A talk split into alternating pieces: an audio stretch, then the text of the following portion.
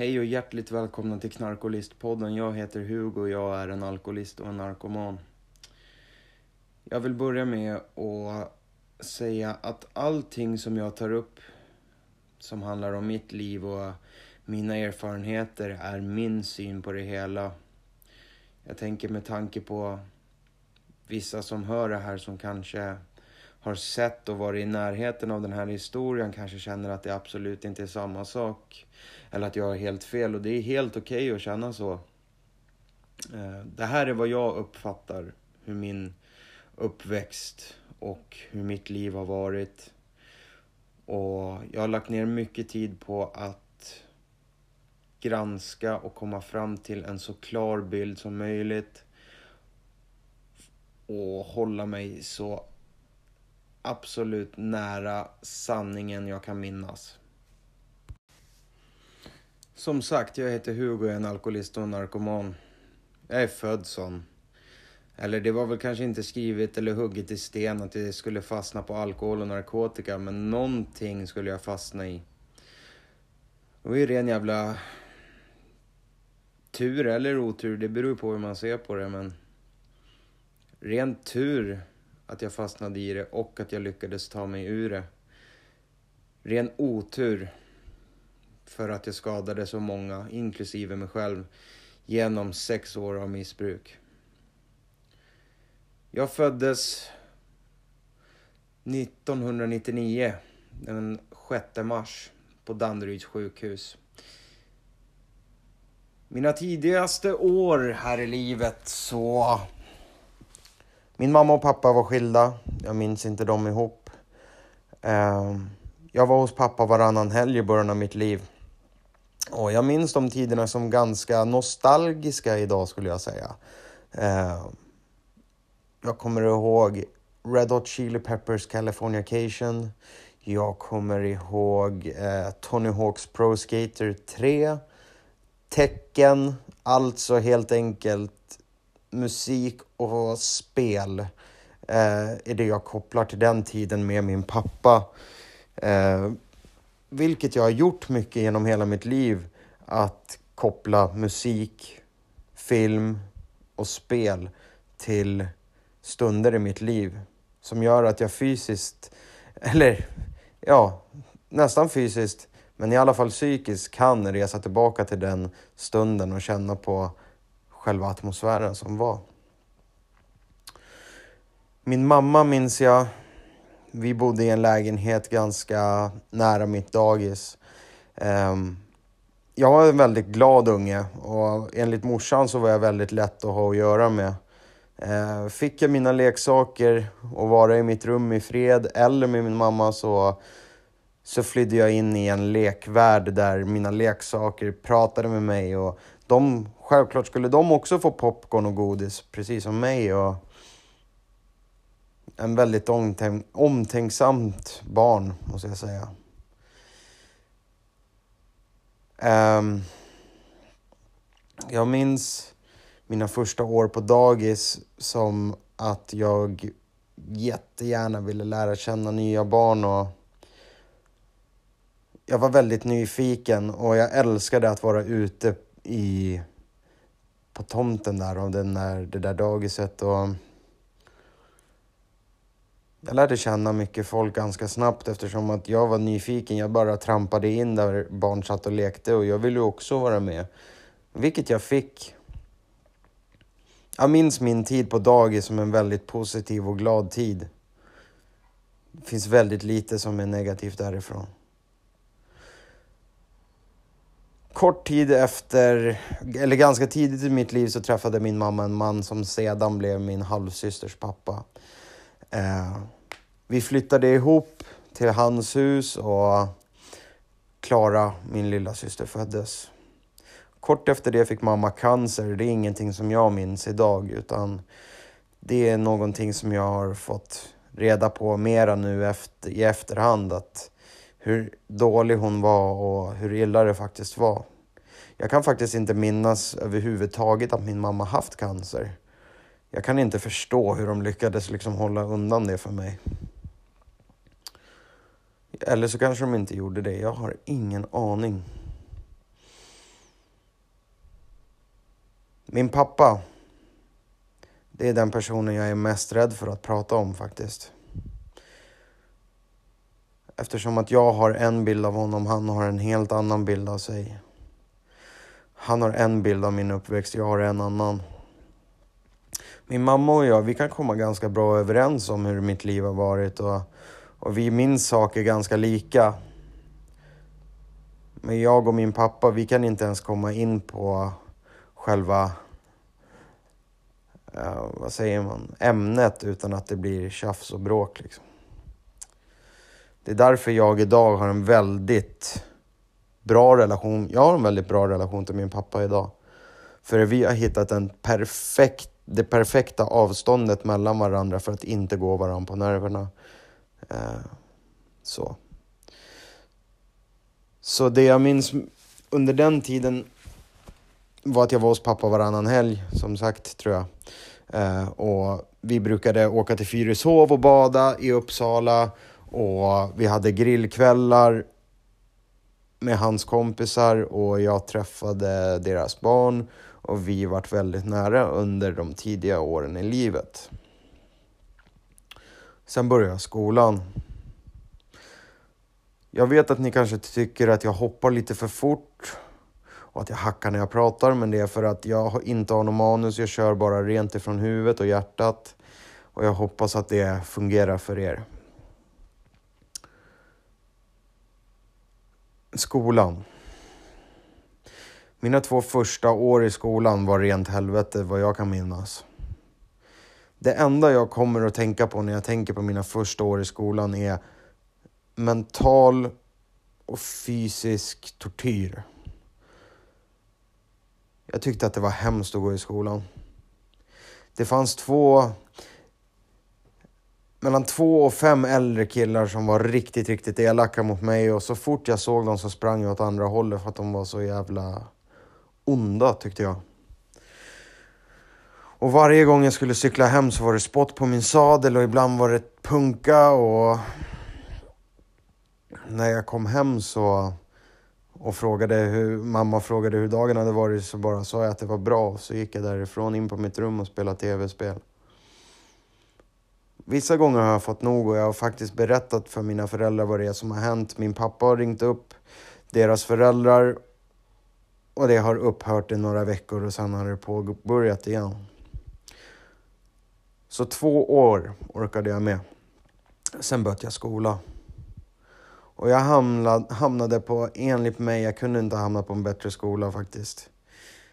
Jag hamnade på en skola, en kristen adventistskola, eh, Ekebyholm. Det första jag minns från Ekebyholm var att jag kände mig väldigt... Jag kände att jag behövde markera att man inte kunde putta omkring mig och vara dum mot mig utan att få konsekvenser.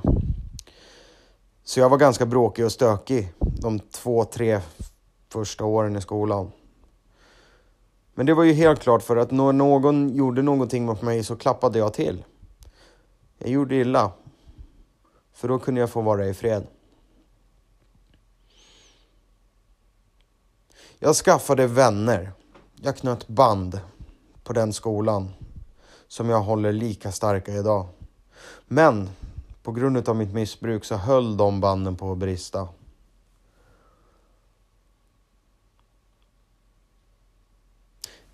Livet utanför skolan. Min mamma, hon, eh, hon och den här killen eh, som vart min halvsysters pappa gör slut. Och min mamma är en sån människa, enligt mig, som ej kan vara ensam. Hon tar hellre den värsta killen som finns, i, i sista killen i ledet liksom istället för att stå ensam, tyvärr. Och min mamma har gått igenom mycket skit. Idag kan jag förstå henne. Och jag har förlåtit henne för det hon har gjort. Men jag vet att det som hon har gjort, och hon vet mycket väl att det hon har gjort har bidragit till otrygghet och osäkerhet i hemmet. Hon började träffa en hel del killar liksom. Och vissa höll längre och vissa höll inte så pass länge liksom. Och det jag minns liksom det är det här att hon lovade mig konstant varje gång de hade gjort slut att det verkligen var slut. Och hon gick tillbaka och så var han hemma hos oss igen och fram och tillbaka. Och det där byggde upp hos mig att i mitt undermedvetna så kunde jag använda det där emot henne när jag skulle göra min framtida tonårsrebell, eh, vad säger man? Tonårsrevolt skulle man kunna kalla det. Att jag skulle också kunna ljuga och sådär, för det har ju hon gjort mot mig hur mycket som helst. Så det är ju det jag har lärt mig. Eh, så. Och min pappa. Min pappa har alltid haft en kärleksrelation till alkohol. Vilket gjorde att i mitt huvud väldigt tidigt, jag sa till mig själv, jag ska aldrig dricka alkohol, jag ska aldrig supa mig full, jag ska aldrig göra alla de här sakerna som min pappa gör, jag ska aldrig göra så att barn blir otrygga, jag ska aldrig göra så att... Jag skulle aldrig bli som han. Fast jag skulle självklart plocka russinen ur kakan och jag skulle visst eh, lyssna på punk som pappa gjorde. Jag skulle visst bli stor och stark som pappa. Men det var en hel del saker som jag föraktade i väldigt tidig ålder som jag visste att det där vill jag absolut inte bli. Vilket jag senare blev gånger hundratusen. I, gru I grundskolan, hög mellanstadiet kommer. Uh, under den tiden så är det så. Pappa super, mamma hoppar. Vi flyttar fram och tillbaka, jag och morsan alltså. Vi hoppar mellan lägenheter. Vi har fan flyttat överallt i hela jävla Rimbo. Det händer en sak i mellanstadiet som förändrar mig. Min morfar och jag, vi har haft en nära relation hela livet. Min mormor och morfar var de jag höll väldigt, väldigt nära. Farmor och farfar har jag aldrig riktigt haft bra kontakt med. Jag vet inte riktigt varför, men jag antar att det vart ett agg mot dem och deras hem eftersom att pappa ofta tog dit mig på helgerna, söp sig full och vinglade hem med mig som liten. Och det är ju ingenting personligt som de har gjort, utan det har bara blivit så att det har byggts ett förakt, ursäkta, mot eh, den sidan. Otroligt nog. Um, just det. Jag går i sexan. Jag är uppe i pappas lägenhet. Min morfar kommer upp och han ska skjutsa mig till skolan.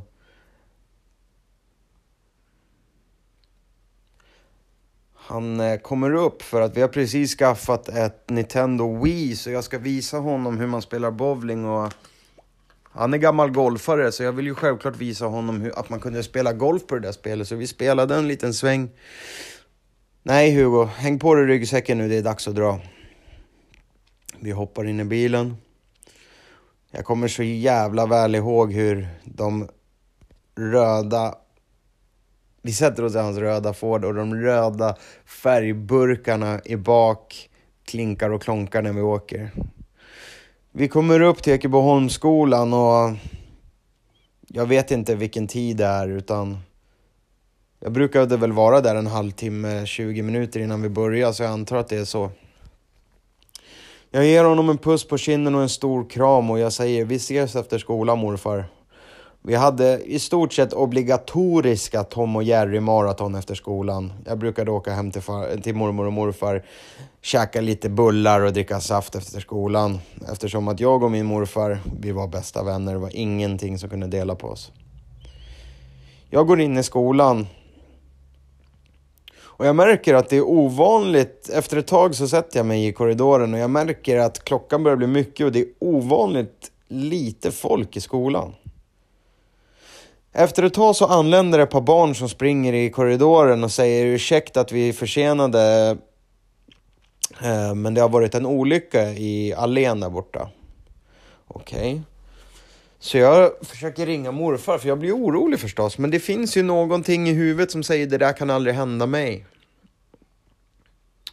Jag var 12 år och jag ringer och jag ringer och jag ringer och inget svar. Och jag tänker ju bara självklart att han har inte ljudet på, bla bla bla. Liksom. Det är självklart att det inte är han, för det där händer inte mig. Det händer ingen. Så jag sätter mig där och så kommer en, en uh, vikarie som säger Hugo, du får gå ner till idrottshallen för att eh, det är idrott och sådär. Eh, så du måste byta om. Så när jag och en kompis eh, som redan var på skolan på väg ner dit så sa jag fan alltså vi måste springa och kolla ehm, om det är morfar eller inte. Vi kommer ner en bit på vägen och så känner, säger min kompis att jag orkar inte gå hela vägen. Vi vänder.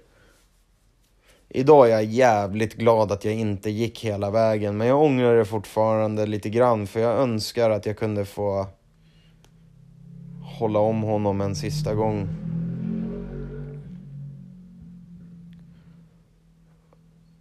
Det här blir jobbigt att prata om, men jag känner att det är viktigt att, att ta med i den här historien.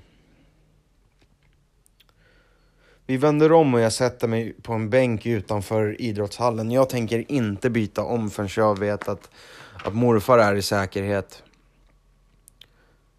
Jag har inget tidsperspektiv.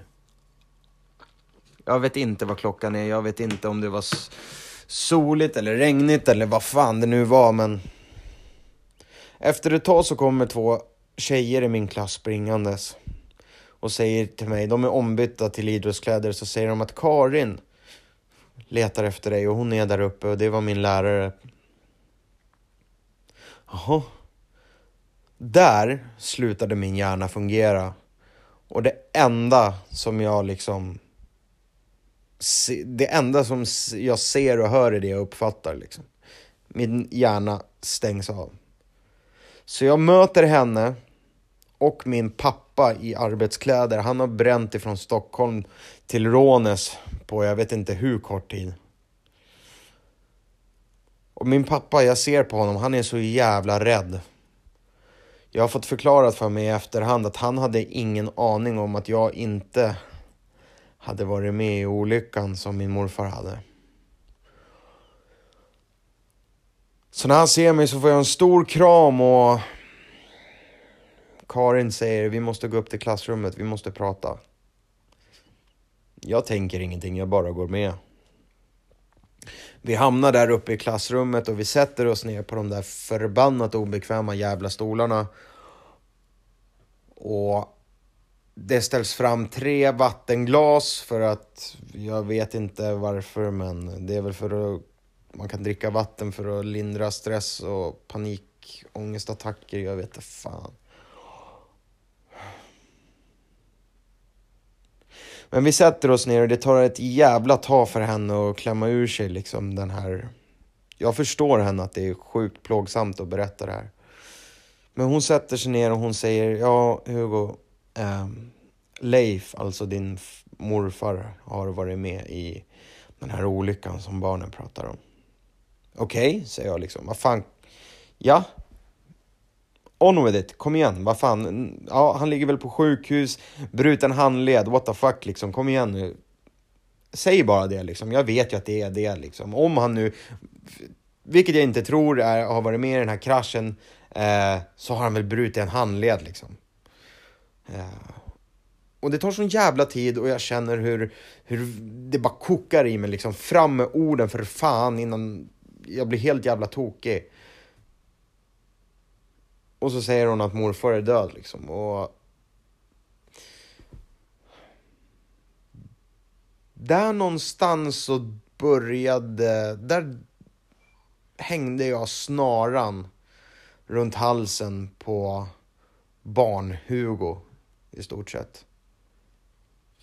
Jag blev helt rabiat. Jag tog tag i bordet och bara ruskade så det for glas med vatten och jag tog tag i stolar och skulle börja kasta. Och jag ser min pappa gråta för andra gången i mitt liv när han slår armarna om mig och säger att allting kommer att bli bra. Ingenting kommer att bli bra. Jag kommer ihåg att jag har allas händer på mig.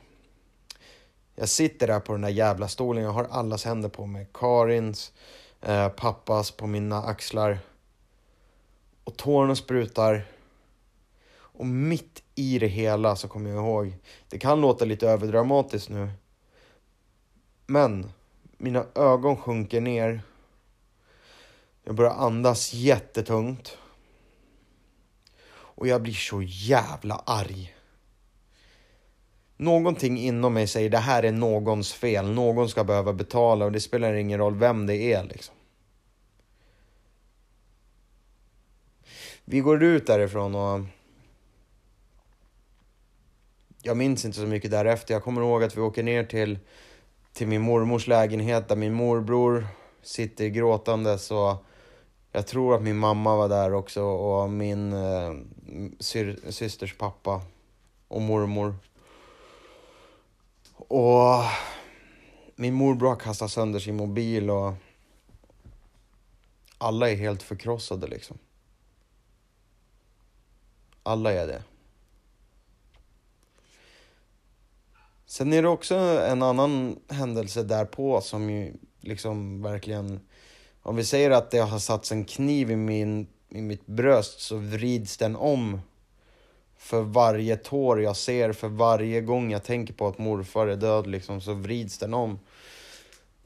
Vi åker hem till min mamma. Min, det är jag, min pappa, min styvpappa, Eh, eh, Klaras pappa. Han var inte min styvpappa på den tiden. Eh, och han har hämtat upp syrran. Min lärare knackar på dörren med två stora ICA-kassar full, fyllda med mat och min pappa och Klaras pappa kastar fram plånböckerna och ska börja ge pengar och hon säger nej, det här bjuder skolan på, vilket jag är så evigt tacksam för att ni gjorde. Om det är någon från Ekebyholm som lyssnar så stort tack för den kärlek och värme ni visade min familj när det här hände. Så hon säger, jag är sjukt ledsen att Leif är borta och då säger Niklas, alltså min systers pappa, tyst. Och Klara börjar titta upp på Nicke och jag märker att nu börjar det spricka och jag kommer ihåg att Klara gick fram till mig och sa det är ingen fara Hugo, vi kommer åka och hälsa på morfar snart. Det är ingen fara, han ligger bara på sjukhus, det är ingen fara. Så säger pappa så här, Hugo vi går in på ditt rum, du kan väl visa mig någonting på ditt rum? Så, jag, så, så skulle Nicky och Klara vara i vardagsrummet. Klara är min syster, jag vet inte om jag har sagt det. Det blir ganska krångligt i huvudet när jag pratar om det här. Och Sen så hör jag bara ett öronbedövande jävla skrik från vardagsrummet. Det är min syster som har fått reda på att hon aldrig mer kommer att få träffa morfar. Efter det här så går jag in i en... Jag är i puberteten, det händer mycket med kroppen. En kort tid efter det här så börjar jag eh, högstadiet och där börjar jag träffa folk. Och jag tror att det är högstadiet vi tar upp i nästa del. Stort tack för att ni har lyssnat. Och jag hoppas att ni har förståelse för att jag hackar lite och jag är den typen av person som vill ge allting rakt och ärligt och inte klippa och göra massa jox liksom. Jag vill... Jag gör den här podden för att folk ska känna igen sig och hjälpa någon. Och det hjälper mig. Så jag stannar där och nästa avsnitt blir om vad som händer i högstadiet. Stort tack för att ni har lyssnat. Jag heter Hugo Fransson. Jag är en alkoholist och en narkoman. Jag stannar där. Tack.